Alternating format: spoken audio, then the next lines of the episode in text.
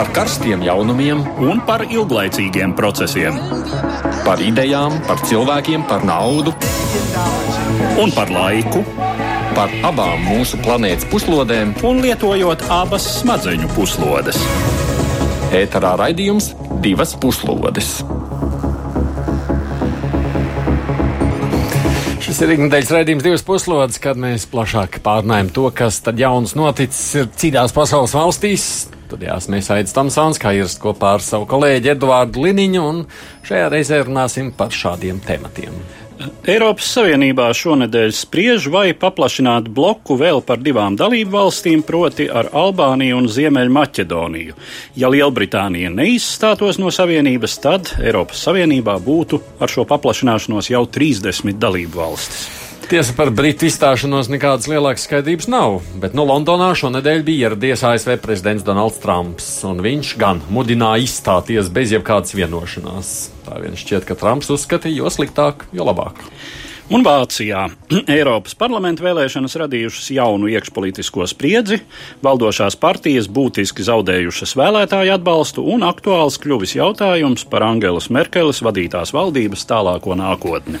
Klausītāji, kas lieto Twitter, ir lūgti tuvākajās minūtēs atbildēt jautājumu par Eiropas Savienības paplašināšanos, un tas jautājums ir, vai jūs atbalstītu Albānijas un Ziemeļmaķedonijas pievienošanos Eiropas Savienības blokam.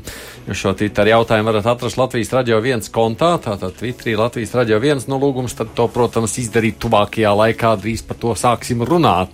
Bet gaidām arī koment jūs komentārus mūsu mājaslapā. Un šobrīd studijā bez mums ir arī žurnālists Filips Latkovskis no portāla Delfi. Labdien! Uh, labdien! Un Uģis Lībietis no Latvijas radio ziņu dienesta. Labdien! Labdien! Un mēs sākam raidījumu kā parasti ar dažām ziņām īsumā.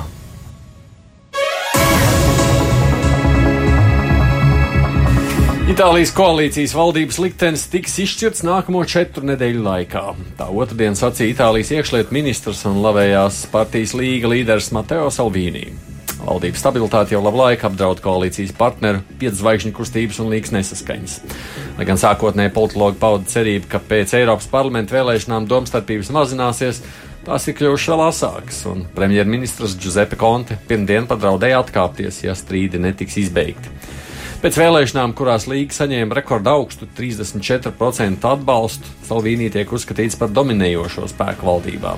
Viņš vēlas lielāku autonomiju līgas kontrolētiem ziemeļreģioniem, stingrāks noteikums imigrācijas jomā un radikālāku nodokļu samazinājumu pretēji Eiropas Savienības budžeta disciplīnas noteikumiem. Tiesa jau šobrīd Eiropas komisija ir izteikusi brīdinājumu Itālijai par pārāk lielo budžeta deficītu, un Salvīnī kļūšana par premjeru kļūtu par lielu izaicinājumu pārējai Eiropai.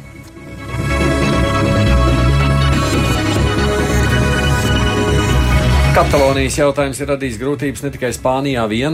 Eiropas parlaments apturējis visu jaunievēlēto Spānijas deputātu akreditāciju pēc tam, kad iekļūšana parlamentā ēkā tika liekta bijušajam Katalonijas premjerministram Karlosam Puigdemonam un vēl vienam katalāņu separātistu Eiroparlamentārietim Antonijam Kominam. Viņiem tika liekta pagaida akreditācija, neraugoties uz to, ka citi Spānijas deputāti bija to saņēmuši. Jo kaut arī Puigdemons ir ievēlēts Eiropas parlamentā, nav skaidrs, vai viņš varēs ieņemt deputātu vietu. Atbilstoši Spānijas noteikumiem, visiem ievēlētiem deputātiem vispirms ir jāzvēr uzticība Spānijas konstitūcijai, un tam jānotiek klātienē. Bet, ja Puigdemons dosies uz Spāniju, tad viņš uzreiz tiks aizturēts saistībā ar apsūdzībām dumpī. Notikušā dēļ tad nu, parlamenta prezidents Antonio Tajāni ir paziņojis, ka pagaidām tiek apturēta visu Spānijas deputātu piekļuvi.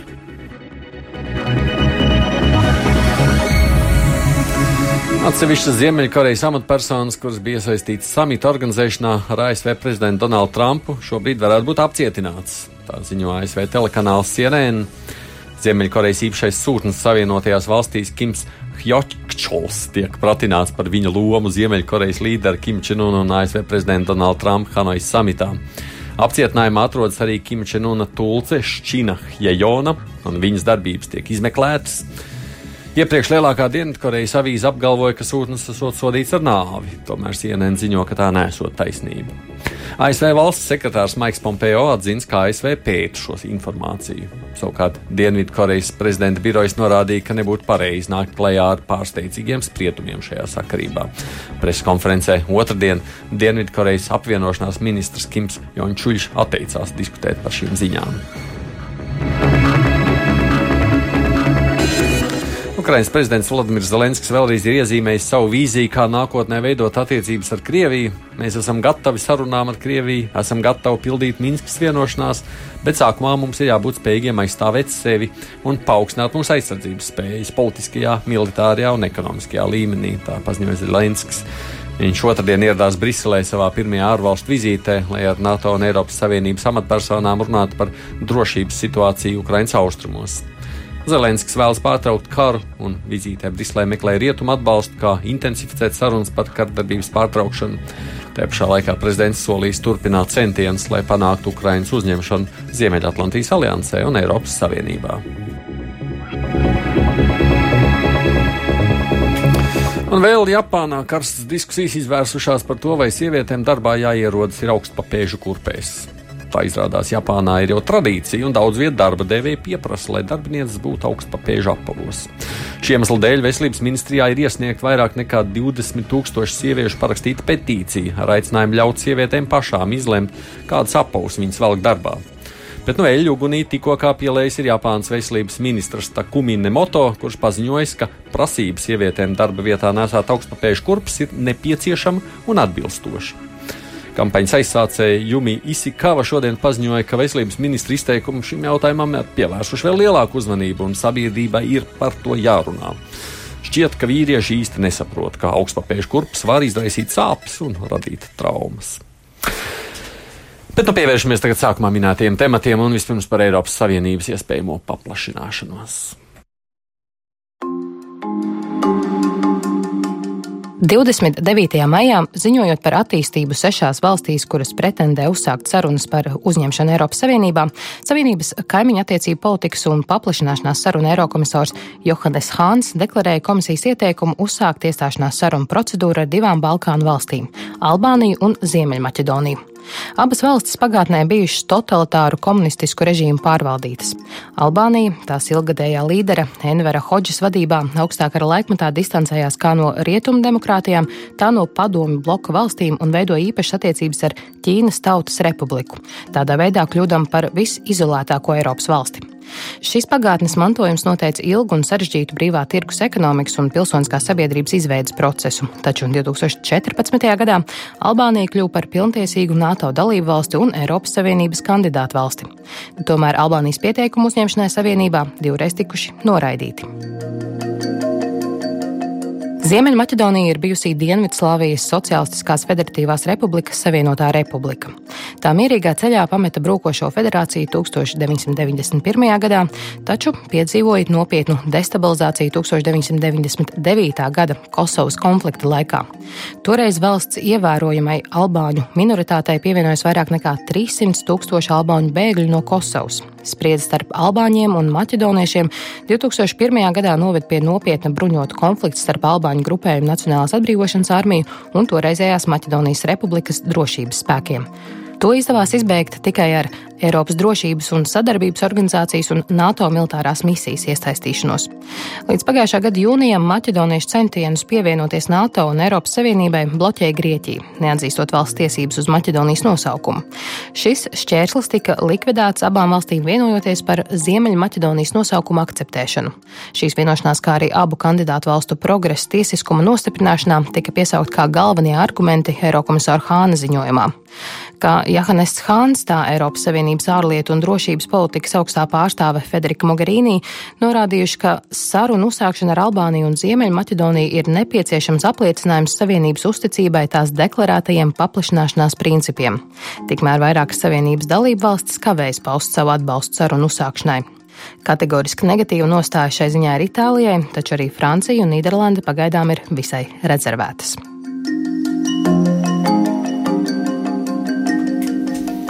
Gādien kopā ar mums ir arī Jūdas Lībijams, Filips Lastovskis. Kāpēc Itāļi un arī daži citi negrib, ka Savienībai pievienojas Albānija un Ziemeļmaķedonija, Filip?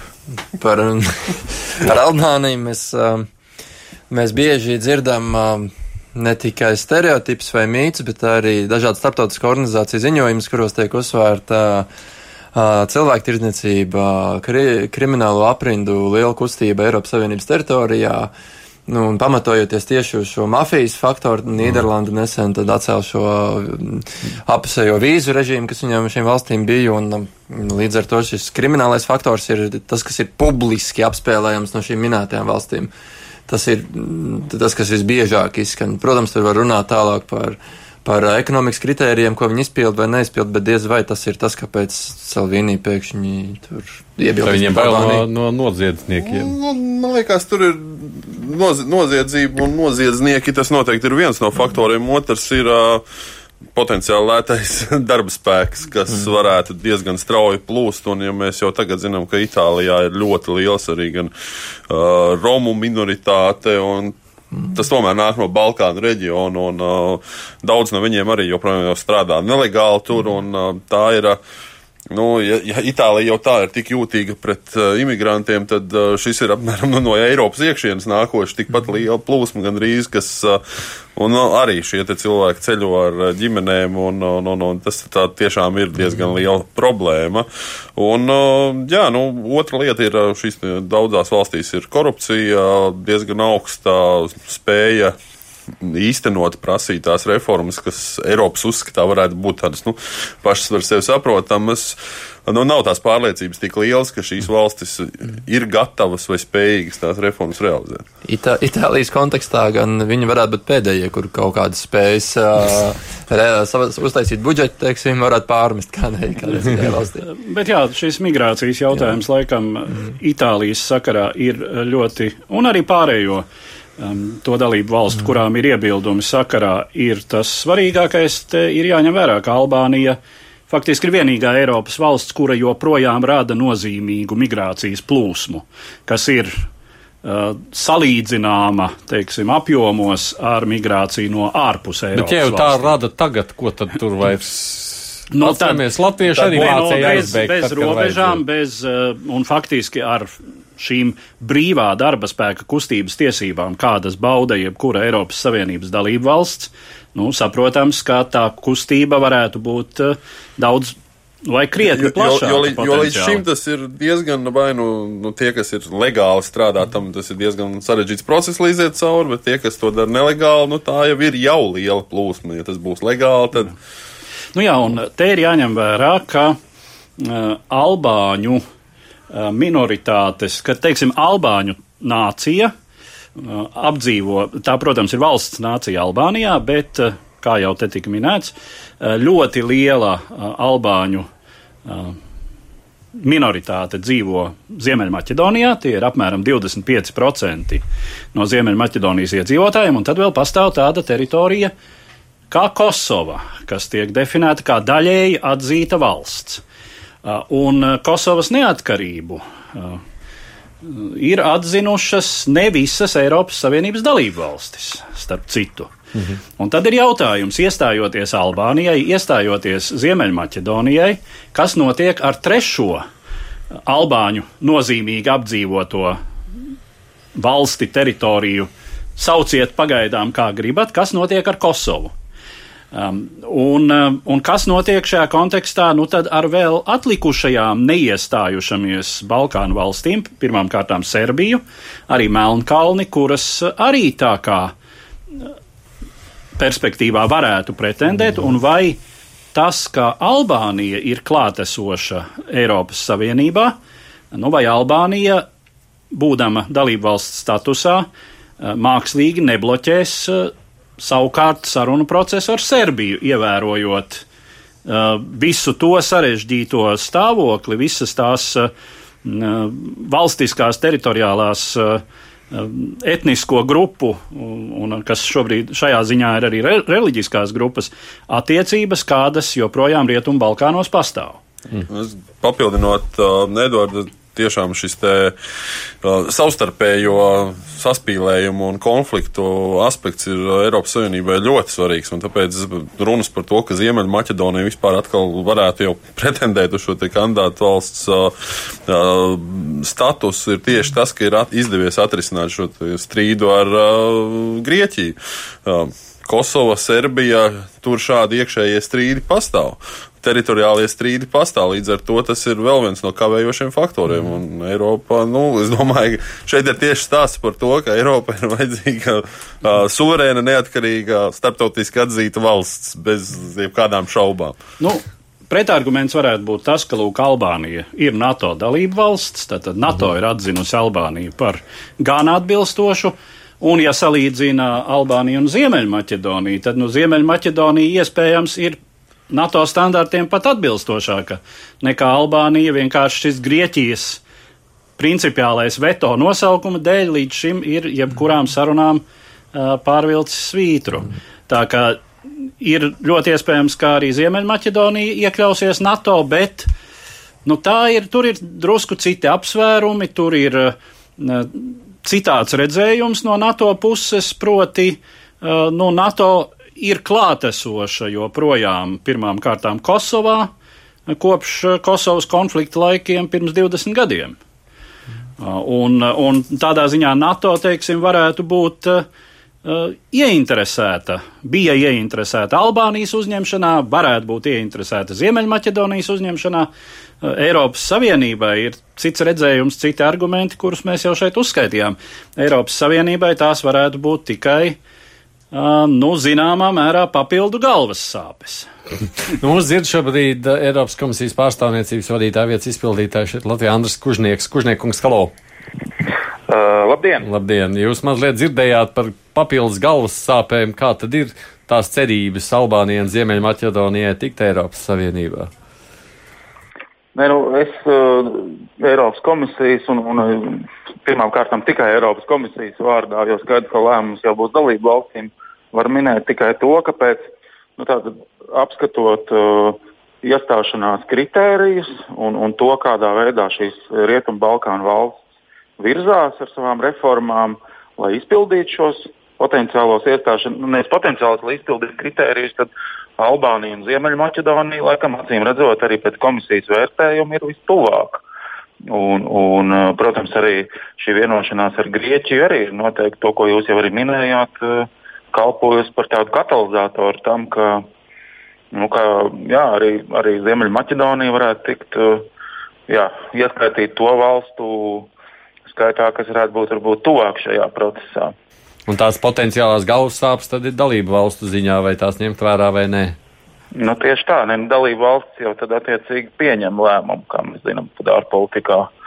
Mm, jā, ir, ir dažādas intereses un, un, un skatīsimies, kā tas uz priekšu iet. Bet kopumā arī runājot par visu šo reģionu, skaidrs, ka uh, Rietumu Balkānu valsts ir Eiropa, Eiropas kontinents. Un mēs visi esam ieinteresēti, lai šajās valstīs būtu stabilitāte, lai, lai viņas būtu uh, pirmām kārtām plaukstošas, lai tajās būtu attīstība un lai strādātu likuma vara, būtu spēcīgas institūcijas. Nu, tā ir mūsu kopējā rūpe, kā, kā Eiropas Savienībai, un tad attiecīgi, jā, nu, kurš tur tuvāk uh, dalībai, tad tiešām jāskatās pēc šīm reformām, ka mēs redzam, ka uh, valstīs tā situācija ir ļoti dažāda. Jā. Mm. Paldies, Andris Kužnieks no Eiropas komisijas pārstāvniecības vadītājas vietas izpildītājs. Tā stabilitāte, runājot, ko viņš sacīja par Balkāniem, nu, īstenībā jau uh, Eiropas Savienība tiek uztverta bieži vien kā tas nu, galvenais stimuls, lai nodrošinātu tādu kopā pastāvēšanu un mieru. Man liekas, šajā, šajā brīdī Eiropai ir jāatrod tas uh, nu, kaut kāds vitējais kopsaucējs. Jo no vienas puses tiešām šī solījums, ka jebkura valsts var iestāties, ja viņa pauž vēlmu un izpilda kritērijas, viņš nekur nav pazudis. Un uh, Eiropas komisija rekomendēja, ka viņi uzskata, jā, šīs valstis ir izdarījušas to, sākam sarunas. Uh, un atkal sabalansēt ar to, vai nu, ar visām savām bažām. Es vēl izmantojot iespēju, mm -hmm. pareklamēšu rīt no rīta pēc pusdien astoņiem Eiropas Savienības notikuma apskatā varēsit dzirdēt man kolēģi Ginta Amoliņa interviju ar Ziemeļmaķedonijas ārlietu ministru Nikolu Dimitrovu, un tad varētu arī uzzināt, kāds ir skatījums no viņa valsts puses par šo solījumiem un, un, un izredzēm. Jā, ja teiksim, runa būtu par laika momentu pirms, pat vēl pirms desmit gadiem, mm, tad eh, nepārprotami tur centrā varētu likt argumentu, ka tiešām Eiropas Savienība tur nu, atsevišķās situācijās arī ir kalpojusi par stabilizējošu faktoru, un teorētiski tā tas varētu būt. Teiksim, tiek atvērtas robežas, tiek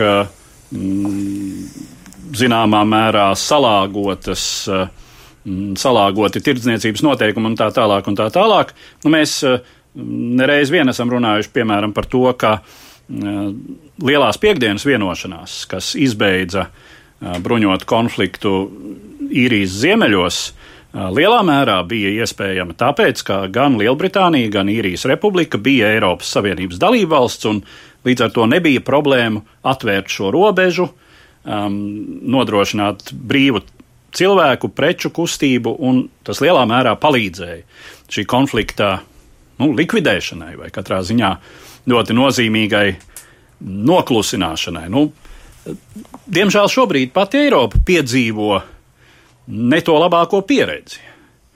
Nu, piemēram, es minēju, ka vairākas valstis nav atzinušas Kosovas neatkarību. Un kas tās ir par valstīm? Tā ir piemēram Spānija, un motīvs ir ļoti skaidrs. Ja Spānija, ja Spānija atzīst uh, secesīvu uh, Serbijas daļu, tad ir jautājums, kāpēc Spānija neatzīst katalāņu tiesības uz savu uh, etnisku valsti. Un tā tālāk. Uh, nu, tā tad. Uh, Mm. Arī, arī teiksim, šī likuma vāra. Ja? Uh, nu, Eiropas Savienībai. Pašā Eiropas Savienībā ir, tik, jā, ir, daudz, daudz ko teikt, piemēram, Rumānijas sakarā. Ja? Mm, labi. Raits man raksta, kāda būtu argumenti par Eiropas paplašināšanos, ja pretargumentos varētu minēt Briseles, Londonas nespēja panākt apsē pieņemamu sašaurināšanos un tad tālāk glālas. Viņš raksta, arī Albānija laikam būtu pirmā kandidāta valsts, kur valsts dominējošā reliģija būtu islāms. Uh, kā, tur ir ar, kā tur ir ar Maltu? Es nezinu. Nē, Albānija tieši ir Albānija. šī valsts jau un ar dominējušo. Un es tieši gribēju arī jautāt, nu, man nav īsti atbildes par to, ka tādās, tādos gadījumos kā Itālijas Salvīnī, uh, nu, vai tur nav arī kaut kāda islamofobijas daļa klāta? Nu, labi, bet mums ir Kārlis Bukovskis, kurš ir ārpolitikas institūta direktora vietnieks. Varbūt viņš var atbildēt šo jautājumu. Kārli, halo! Mm, sveiki. Sveiki. Kā tad ir ar to uh, Albānijas un Ziemeļmaķedīnijas uzņemšanu? Tie pretargumenti ir vērā ņemami? Nu, es domāju, ka centrālais uh, jautājums ir par šo te, gan par šo valstu pašu gatavību, un te, protams, ka tas, kas ir iepriekš minētais, gan uh, likuma vara, gan cīņa ar korupciju, gan uh, ekonomisko struktūru kārtošana, nu, ekonomikas struktūrālā pārkārtošana, tie ir, tie ir fundamentāli jautājumi, kas tajās valstīs abās divās vēl ir, vēl ir izcināmi. Bet otrs jautājums, protams, ir pašas Eiropas Savienības uh, gatavība tālāk vispār paplašināties. Un man uh, burtiski pirms uh, stundas uh, bija iespēja uzdot uh, uh, Mišelam Barņē, uh, Eiropas komisijas uh, sarunvedējiem par uh, Lielbritānijas izstāšanos no Eiropas Savienības tieši jautājumu par to, ka, nu, ja ņem vērā to, ka viņš ir nodarbojies ar Eiropas pēdējos gadus ar Eiropas Savienības samazināšanu savā veidā vai šī jautājuma risināšanu par Eiropas Savienības samazināšanos, kas būtu viņa vēstījums tām valstīm, kas vēlas pievienoties. Un, principā, nu, viņa secinājums un viņa vēstījums arī bija, tu citējot, ka vispirms valstīm ir jātiek galā pašām ar saviem izaicinājumiem un otrs ir tas, ka viņš nav drošs par to, ka Eiropas Savienības šā brīža esošās valsts ir līdz galam izdiskutējuši to, vai viņas ir gatavas vispār uzņemt jaunas dalībvalsts. Viņš minēja pat arī pats savu Franciju, kur viņš teica, ka viņam ir liels aizdoms, ka principā ir jānotiek publiskai debatei uh, Francijā par to, ka vai uh, vēl tagad paplašināšanās kārtas vispār būtu sabiedrībai pieņemamas. Un es pieļauju, ka nu, lielā mērā šī diskusija, protams, ir arī par atšķirīgajām reliģijām, atšķirīgajām pieejām atšķirīgām un atšķirīgajām, varbūt tās pat domāšanas veidiem, kas uh, ir, ir un pat arī stereotipiem par šīm valstiņām, kas uh, šobrīd plāno vai vēlētos pievienoties Eiropas Savienībai. Mm. Paldies, Kārli. Kārlis Bukovskis, kurš ir ārpolitikas institūta direktora vietnieks. Mēs te jautājam arī mūsu klausītājiem, ja, ko viņi būtu par vai pret šo divu valstu uzņemšanu. Nu, 50-50, es teikšu, 47 ir uh, pār 46% nē. Nu, tādā ziņā t, no tiem gandrīz 60 balsotājiem mēs arī esam. Nu, nu, par Albānijas. Es domāju, ka mēs nezinām. Jā, nu teiksim tā, Albānijai šis, šis mantojums Tur nav tikai islāms, varbūt kā patiešām dominējošā reliģija, lai gan to daļa ir jāsaka, ka Albānija padomju periodā, un kad tur valdīja padomju stila totalitārais režīms, vēl skarbāks nekā padomju savienībā, bija tā austrumu bloka valsts, kura pretendēja vispār izskaust reliģiju. Un kā deklarē Envers Hodža, tad Albānija būs pirmā stingri ateistiskā valsts pasaulē, vai, nu, vai katrā ziņā Eiropā. Tā kā, bet ir problēma arī albāņu nacionālisms. Ievērojot visu etnisks tāds un diezgan, es teiktu, retro stila etnisks nacionālisms. Jā, tie, kas neaizbrauc uz Eiropu. Mm kas, nu kas ir, ir visai. Nu, kas ir visai motivēts no, no visa, ko es jau teicu iepriekš. Ja, tā tad uh, Albāņu minoritātes uh, teritorijās ārpus Albānijas republikas, um, nu, kur tur arī ir, ir tā tad. Bet es jūsos klausoties, saprotu, ka Ziemeļmaķedonija bija labāks Ne īsti. Man liekas, sākot ar to, ka jā, arī tajā Twitter aptaujā mm, tu pajautātu divas citas valstis no, no Rietumbalkāniem. Aptaujas rezultāti nemainītu, nemainītos, jo visticamāk cilvēkiem ir vienalga. Ir Balkāni, divi valsts, Balkāni un liek vienā maisā. Un, Un tāpat man kopumā diezgan izbrīna, ka Ziemeļmaķedonija un Albānija ir tie, tas, ir, tas ir tas sarunu temats kā tuvākais Eiropas Savienībai šobrīd, jo ilgstoši arī Melnkalna ir bijusi tā, kas ir tuvāk ar savu eiro valūtu, ar, ar, ar, ar ar savām arī 18. gada Eiropas komisijas rekomendācijām, kur ir Melnkalna visai labu šo te novērtējumu saņēmusi. Manuprāt, Melnkalnē, piemēram, tur būtu jābūt krietni priekšā Albānijai un, un, un Ziemeļmaķedonijai. Un man nav īsti izskaidrojumi līdz galam, kurā brīdī šī likuma vara un mediju brīvība ir sakārtot tā, ka tajās valstīs pēkšņi viņas ir tā tuvāk. Līdz ar to mēs tagad runājam par šīm divām valstīm, bet ņemot vērā to, ka visticamāk neviena no valstīm nepievienosies ātrāk kā 25. 26. mēs varētu par šādiem termiņiem varbūt vispār tikai runāt, tad mēs varam taisīt vēl desmit diskusijas, kurās šīs valsts samainīsies secībām trīsreiz. À, tas nozīmē, ka. Es, es varu pateikt tā, ka man liekas, ja, ja Eiropiešiem uz globālās kartes Āfrika ir liels melns punkts. Tad uh, man personiski Balkāna ir tieši šāds pats melns punkts Eiropā. Es neesmu bijis nevienā no Balkānu valstīm. Es nezinu, kas tur notiek. Tur... Ar šo nav jālepojas. Es, es, es, es saku, tāpēc es, es uh, nezinot, nezinot teiksim, šādus arī vēsturiskus aspektus un pašreizējo situāciju, tiešām nu, tie ir darba dēļ nākstam, visam sekot, bet uh, citādi. Nu jā, nu, man ir nācies būt, būt Bulgārijā un Rumānijā, kas ir Austrum Balkāni, kas ir, nu, teiksim, mēs zinām, jau Eiropas. kādu laiku Eiropas Savienībā. Un, bet nu arī, teiksim, Rumānijā, kur ar likuma varu ir diezgan nozīmīgas problēmas. Nu, Bulgārijā situācija var būt mazliet. Bet mums jau ir Slovenija, Horvātija. Mums taču tas mēs saucam pie centrā, centrāla Eiropas vairāk biežāk. Nu, Slovenija, Slovenija, jā, nu, Slovenija jā. ir, ir, ir, teiksim, gandrīz vai nosacīti Balkānu valsts, jo tā. Um, ko mēs parasti saprotam ar Balkāniem, tās ir teritorijas, kas kādreiz ir bijušas Osmaņu impērijas virskundzībā, ilgāku vai īsāku laiku. Slovā, Slovenija nekad nav bijusi. Uh, Turku sultānu pakļaut. Bet es saprotu, pabeidzot šo stāstu, es te uzrakstīju, nu, zin kā 30 valsts Eiropas Savienībā būtu jau uju. Nā, jā, Latā, apvienotā karaliste neizstātos, tas mums nespīd, vai ne šito svītrojam ārā pagaidām. Nu, kas to zina? jau kaut kad spīdē. Kaut bet ne tik drīz. nu, labi, pēc idejas. Kad Maroku, līdz, kad Maroku uzņem. vismaz līdz tam mums būtu jāzina, kas notiek ar Lielbritāniju, ja es tā gribētu cerēt. Šodien dēļ Londonā bija ieradies Trumps, un viņš gan mudināja pamest Eiropas Savienību. Nu, klausāmies nākamo ierakstu. Amerikas Savienoto Valstu prezidents Donalds Trumps no 3. līdz 5. jūnijam apmeklēja Lielbritāniju pēc Britu karaļnama ielūguma, cita starpā viesojoties pie Elizabetes II Bekingemas pilī un piedaloties 1944. gada sabiedroto desantu operācijas Normandijā 75. gada dienas svinībās Portsmutā. Īpašais notikums nepārprotam noteica vizītes atmosfēru, kurā netrūka savstarpējas draudzības un ilglaicīgās īpašās partnerības apliecinājumu. Tomēr politiskās aktualitātes neļauj sevi aizmirst. Lielbritānija ir smagi iestrēgusi Brexita procesā, kas maksājas amatu premjerministrei Terēzai Mejai, kura rīt oficiāli atkāpjas no premjeras vietas.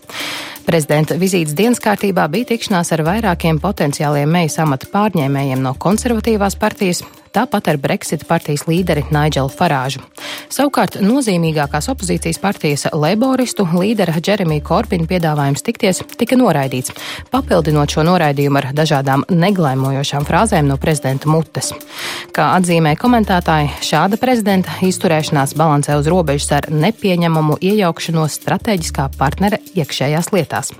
Trumps, kurš, kā zināms, ir kaismīgs Brexit atbalstītājs, no jauna apliecināja, ka pēc izstāšanās no Eiropas Savienības Lielbritānija varēšot noslēgt, viņa vārdiem runājot, fenomenālu brīvās tirdzniecības līgumu ar ASV. Tomēr vairāk nekā skaidrs, ka Britu pozīcijas, slēdzot šādu vienošanos, būtu nepārprotami vājas un var tikai minēt, cik tālu Savienotās valstis gribētu izmantot šo vājumu savā labā.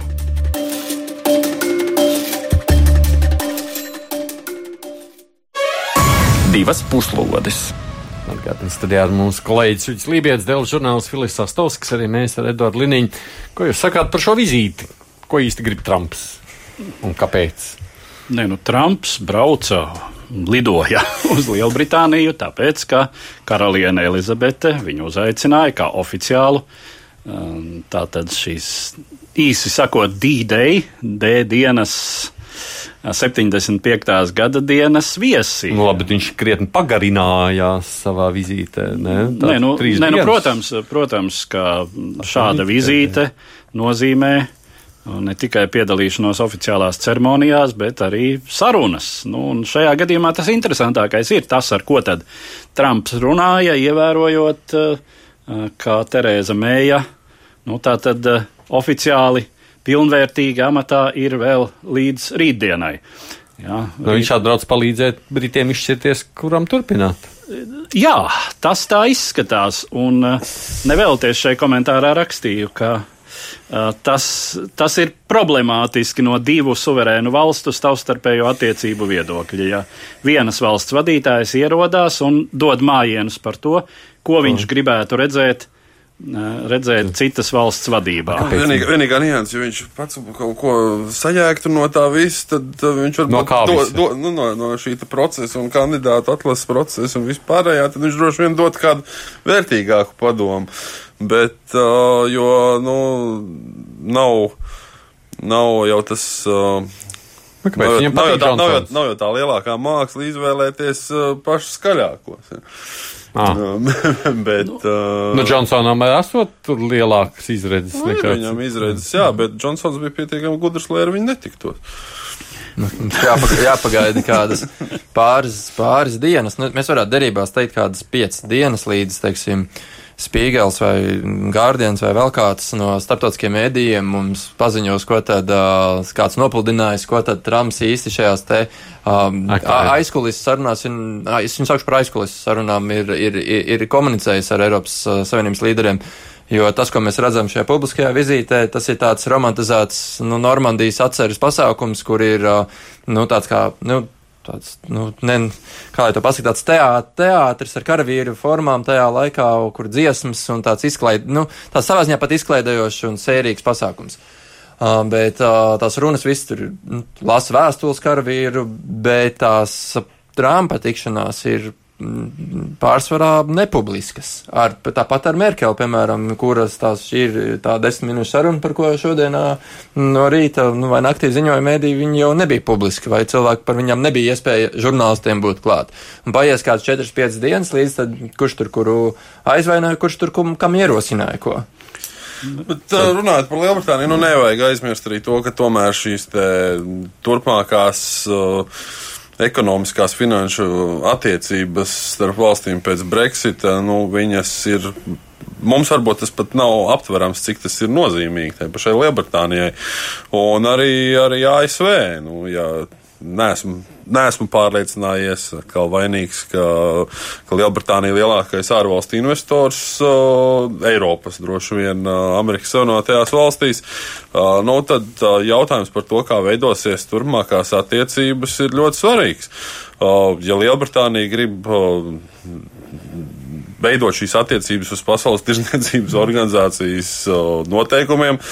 Trumps ir viens no tiem, kas Pasaules tirzniecības organizācijas noteikumus grib mainīt. Nu, tad līdz kam mēs nonāksim, kā mēs nonāksim, tas ir process, kas nebūs. Un, nu, ja mēs redzam, kā to Eiropas Savienības Lielbritānijas diskusijas par izstāšanās uh, noteikumiem, uh, Eiropas Savienības sarunas ar ASV par uh, visu bloka, tomēr vienotām turpmākajām tirdzniecības attiecībām, kuras nekur neiet uz priekšu.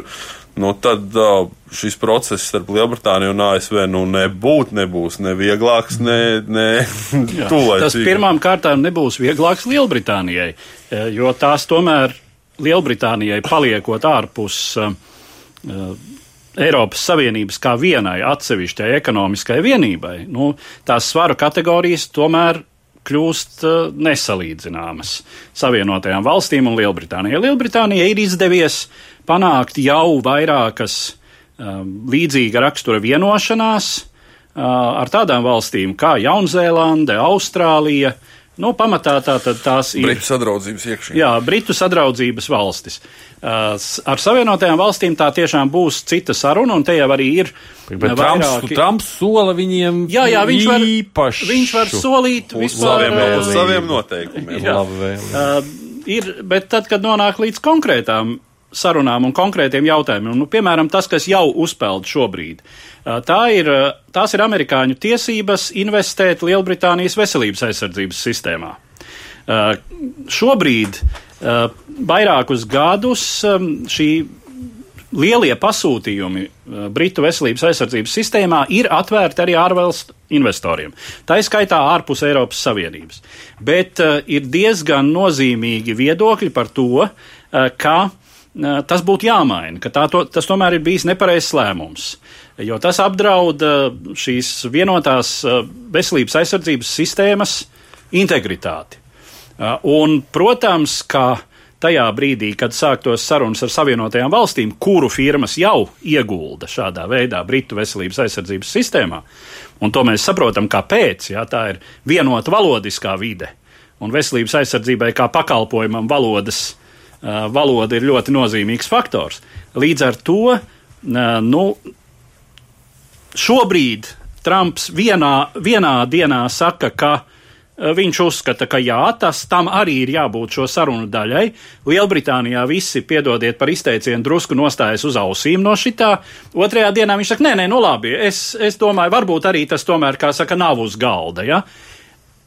Jau šis liecina, ar ko Lielbritānijai šīs sarunas draud.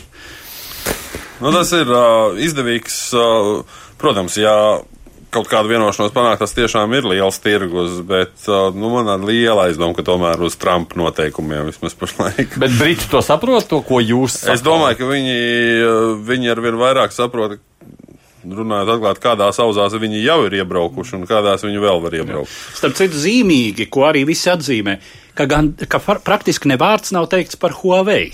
Bija. Uh, nu, vai, vai, vai katrā ziņā tas, tas ir tā ļoti, ļoti klusinātos toņos šajā reizē, ka uh, nu, Trumps, teiksim, nav sitis šai ziņā dūri galdā vai nu apmierinājies ar Lielbritānijas apgalvojumiem, ka tai, protams, arī drošības intereses ir pirmajā vietā. Tāpēc, ka Krievija šodien parakstīja jau ar Ķīnu par Huawei 5G tīklu iz, izbūvu, tā kā tur viss Huawei nav zaudēts. Vēl mēs sākumā tu jautāji par to, nu viņš brauc, kāpēc. Uh, Ja tev aicina karali, karali nu, diez vai tu nebrauc. Pat, ja tu esi Trumps. Jā, un, un arī kas tiek atzīmēts pieņemšanas laikā Bekingams pilī, Trumpam ir izdevies nenogāzt nevienu uh, protokola podu. No, labi, pārnestā nozīmē, es tādu sapratu. Nu, droši vien, ka par dēdienu, es nezinu, vērts vēl kaut ko pieminēt tādā vēsturiskā aspektā. Nu jā, nu, tā, nu vērts ir pieminēt, kā, ja tas uh, notiktu pirms uh, 2014. gada, tad godavies statusā diezgan noteikti būtu arī Vladimirs Putins, mm. kurš šobrīd tur nav. Mm. Uh, saprotam iemeslu dēļ. Nu, šis datums ir ļoti nozīmīgs pagrieziena punkts uh, Otrā pasaules kara vēsturē, un tas, kas, teiksim, virmo sociālajos tīklos, uh, šur un tur, uh, ir, ir komentāri par to, ka nu, rietumu frontes atklāšana Eiropā galu galā neko neizšķīra, jo nacistisko Vāciju būtu sagrāvusi Padomju Savienība arī tad, ja uh, šī fronte netiktu atklāta 44. gada jūnijā. Nu, kas ir vairāk vai mazāk, es teiktu, pupu mīzas. Jo, ja netiktu atklāta fronte rietumos, tad Vācija vēl divus līdz trīs gadus, es pieļauju, varētu turēt austrumu fronti. Uh, tā, kā, tā, tā kā ļoti sekmīgi to darīja 43. gadā. Ja, ja, ja mēs gribētu tādās vēsturiskās, nu, nostīt, nu, es, es nesaukšu par spekulācijām, bet nu, tādām nu, dažādām iespējamām versijām, kā kas būtu noticis, tad tad jau neman, ne, nereti aizvien runā par to, kā būtu, ja Sicīlija 43. gadā, ja ASV spēki iz, izcelties Sicīlijā, un ja viņi virzītos nevis no Normandijas puses, bet no, tātad, no Itālijas un caur Balkāniem, tad arī Baltijas, va, va, Baltijas nu, bijušās padomjas savienības teritorijas iespējams nu, nebūtu nonākuši okupācijas okupācijas laikā. Nu, Bet, tā, kas, bija, kas bija interesanti, skatoties arī vakardienas, šīs dienas piemiņas pasākums, ir viena tāda nu, visai tāda sērīga, nu, tāda, tāds sērīgs zemteksts, kas iet apakšā par to, ka nu, šī pusapaļā jubileja visticamāk ir pēdējā ļoti daudziem veterāniem, kas ir nu, šī, te, nu, uz 80 gadiem jau sagaidīt uh, vēl kādus tādus nu, lielā skaitā pārstāvētus kara veterānus, jau būs arvien grūtāk. Nu, Krievijā droši vien savādāk. Tas gan droši vien, jā. jā. Tā bija viņa kaut kā rodās. À, vēl viens temats mūsu uzmanības lokā ne par Krieviju, tālāk par notiekošo Vācijas valdībā. Vācijas sociāldemokrātiskās partijas vājie rezultāti Eiropas parlamenta vēlēšanās, paliekot trešajā vietā aiz kristīgajiem demokrātiem un zaļajiem, kļuva par iemeslu partijas vadītājas Andrijas Nāleses aiziešanai no amata 3. jūnijā.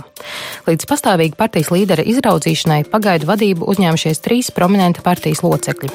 Šie notikumi nozīmīgi sašūpojuši arī Angēlas Merkels vadīto valdības koalīciju, cik tālu ietekmīgs sociāldemokrātiskās partijas kreisais spānis savu politiskā spēka neveiksmēs vaino līdzdalību koalīcijā ar kristīgajiem demokrātiem.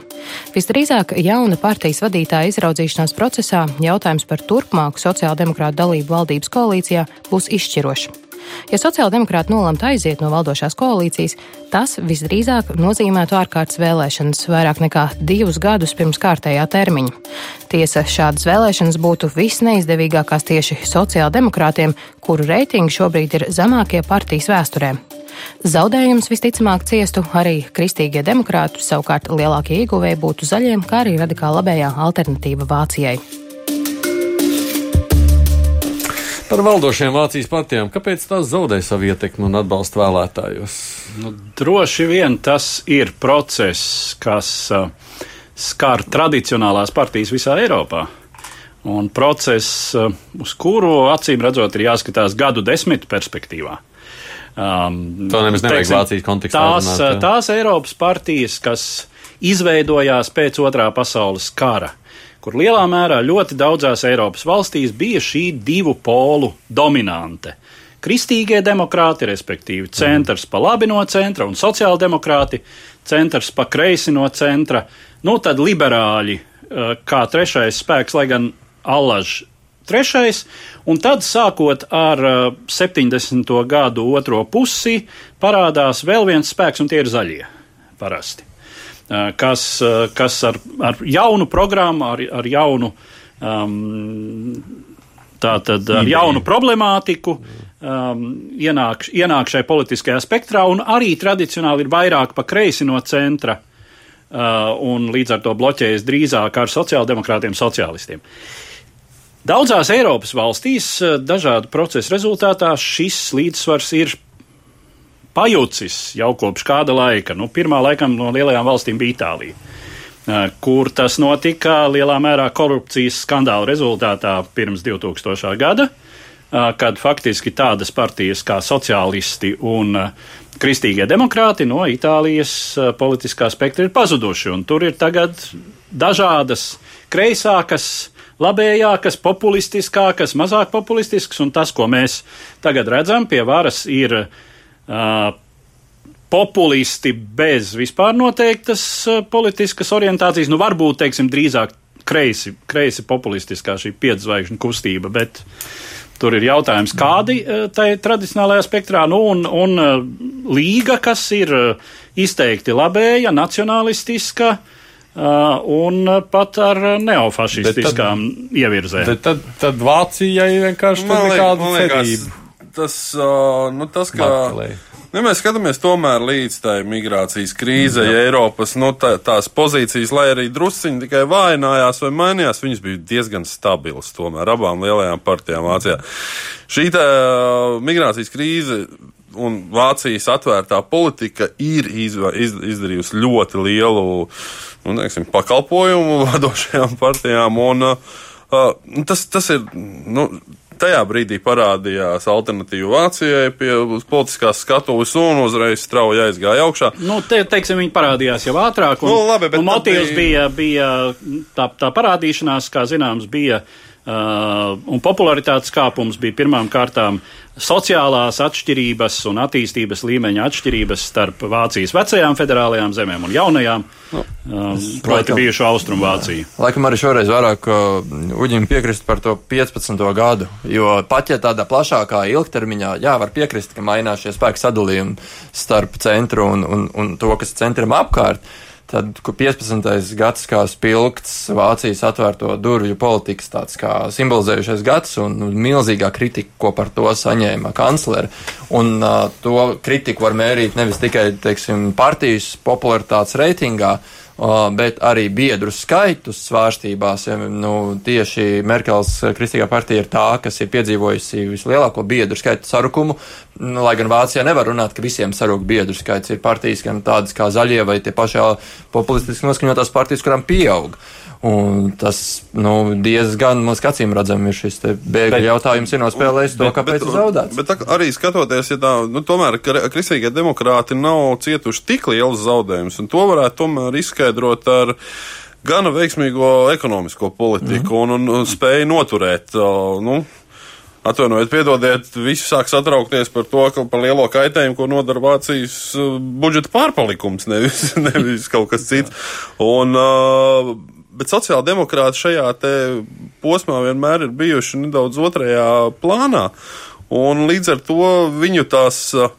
Nu, ja kādreiz runā par to, ka nu, divas lielās partijas, tad viņām nu, būtu kaut kādā veidā vienai ar otru jākonkurē, bet šeit tā konkurences aspekts izzūd, viņas nozīmīgums tai partijai zūd, līdz ar to arī atbalsts. Es pieļauju, ka kaut kur ir samazinājies. Un, un, un, Varbūt, ja kādam ir ambīcijas lielai partijai, tad, nu, tev tās ambīcijas ir jāizrāda. Bet es, Jā, sociāldemokrātiem ir vispār iespēja kaut kā tagad šajā situācijā izkārpīties. Nu, viņi ir ļoti sarežģītā situācijā, jo uh, nu, Vācija ir federāla valsts, uh, kur ļoti liela nozīme ir arī šīm federālajām vēlēšanām. Un tas, kas sociāldemokrātus visvairāk biedē, ka nu pat viņi zaudēja jau vienas šādas federālas vēlēšanas, neatceros, kurā vienā no uh, rietumu daļas uh, uh, pavalsti. Jā, šķiet, ka Bremenē tieši tā. Uh, un, uh, Deguna galā ir vēlēšanas uh, šī gada otrajā pusē, ir vēlēšanas trīs citās uh, federālajās zemēs, uh, Vācijas austrumu daļā, uh, nu, kur, kur sociāldemokrātu pozīcijas uh, pirmkārt apdraud, uh, nozīmīgāk apdraud radikāli kreisie, tā sauktā kreisā partija Dilinke. Un, uh, nu, tur ir arī tradicionāli lielāks atbalsts šai radikāli labējai alternatīvai Vācijai. Ja? Um, tā kā nē, es pilnīgi piekrītu, ka bēgļu krīze nu nepārprotami bija nozīmīgs katalizators, kas uh, sašūpoja vēl vairāk. Un uh, es teiktu, nu, vienkārši iznes virspusē mm. daudzus ilgstošus procesus, bet mēs tos redzam, paskatāmies uz Franciju, uh, kur arī netradicionālie sociālisti, netradicionālie uh, republikāņi vairs nav um, ne to politikas favorītu un paskatāmies uz Zviedriju. Kur arī ir problēmas izveidot valdību, jo arvien lielāku, um, lielāku politiskā spektra kumosu nokož atkal jau radikāli labējie. Bet es Dānijāls sociāldemokrāti vinnēju. Runājot savukārt par uh, Vāciju atgriežoties. Ko tad vajadzētu darīt, lai sociāldemokrāti atgūtos? Jums ir kāda versija, jo viņiem tas nu, līkniec uz laiku uzlēja. Tagad viena no diskusijām, kas ir Vācijā, ir par to, kurš būs nākamais sociāldemokrāta līderis, jo Tikko atkāpās sociāldemokrātu vadītāji un ir izveidojusies situācija, kad nav kas uz šīm svarīgajām vēlēšanām uz priekšu viņus ved. Un, un šīs nedēļas sākumā ir izveidots uh, pagaidu trio vadības, tad trīs muskatieri, un, un, un, un tā tie ir uh, Manuela Švesiga, tātad Malu Drajera un uh, Torstens Šefers Gimbels. Un, uh, tad viņi nu, kopīgi strādāšot, lai mēģinātu kaut kādā veidā to partiju līdz tām vēlēšanām aizvest. Uh, bet arī neviens no šiem cilvēkiem uh, nevēlas būt par partijas nākamo vadītāju. Jo, saka, tas, tas krēsls ir palicis tik karsts, ka nu nevienam negribās to savu dibenu tur apsvilināt. Un tāpēc uh, partijas kongress ir plānots decembrī, bet uh, notiek arvien vairāk diskusijas par to, ka to varētu pārcelt jau kaut kad uz vasaras potenciāli otru pusi, lai pirms šīm, te, ja nemaldos, septembra vēlēšanām uh, varētu jau būt kaut kāds skaidrs uh, līderis. Kas notiks ar koalīciju valdošo Merkeles dienas Merkeles dienas ir drošas, kā vēl vismaz, no, divus, vismaz divus gadus vēl līdz nu, viņai. Kas nu, to ja valdošā zina? koalīcija jūka? Nu, katrā ziņā vismaz šie trīs cilvēki Jā. ir skaidri pateikuši, ka mm, partija ir savulaik nobalsojusi par būšanu šajā lielajā koalīcijā.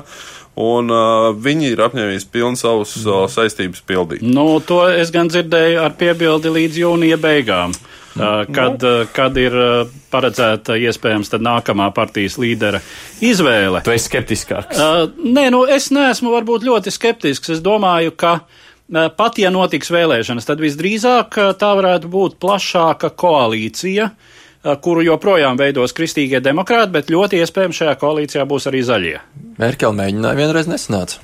Nu, situācija ir cita. Nu, mm -hmm. Teiksim, iedomāties, ka Merkele veidos koalīciju vai arī uh, Krampa Karenbauer veidos -hmm. koalīciju, kā partijas līdere veidos koalīciju ar alternatīvu Vācijai, nu, kaut kā šī nav Austrija tomēr. -hmm. Un ne, nevelti zināmie video ieraksti uzpeldēja tieši Vācijā. Bet tas nozīmē, ka lielā mērā tā viss ir atkarīgs no pašiem sociāldemokrātiem, jā? Ja? Es domāju, ka jā, bet tur jau ir stāsts. Nu, tas ir tiešām par kaut kādas lielas paradigmas maiņu un uh, sekojot mūsdienu, mūsdienu politiskajām un sabiedriskajām tendencēm.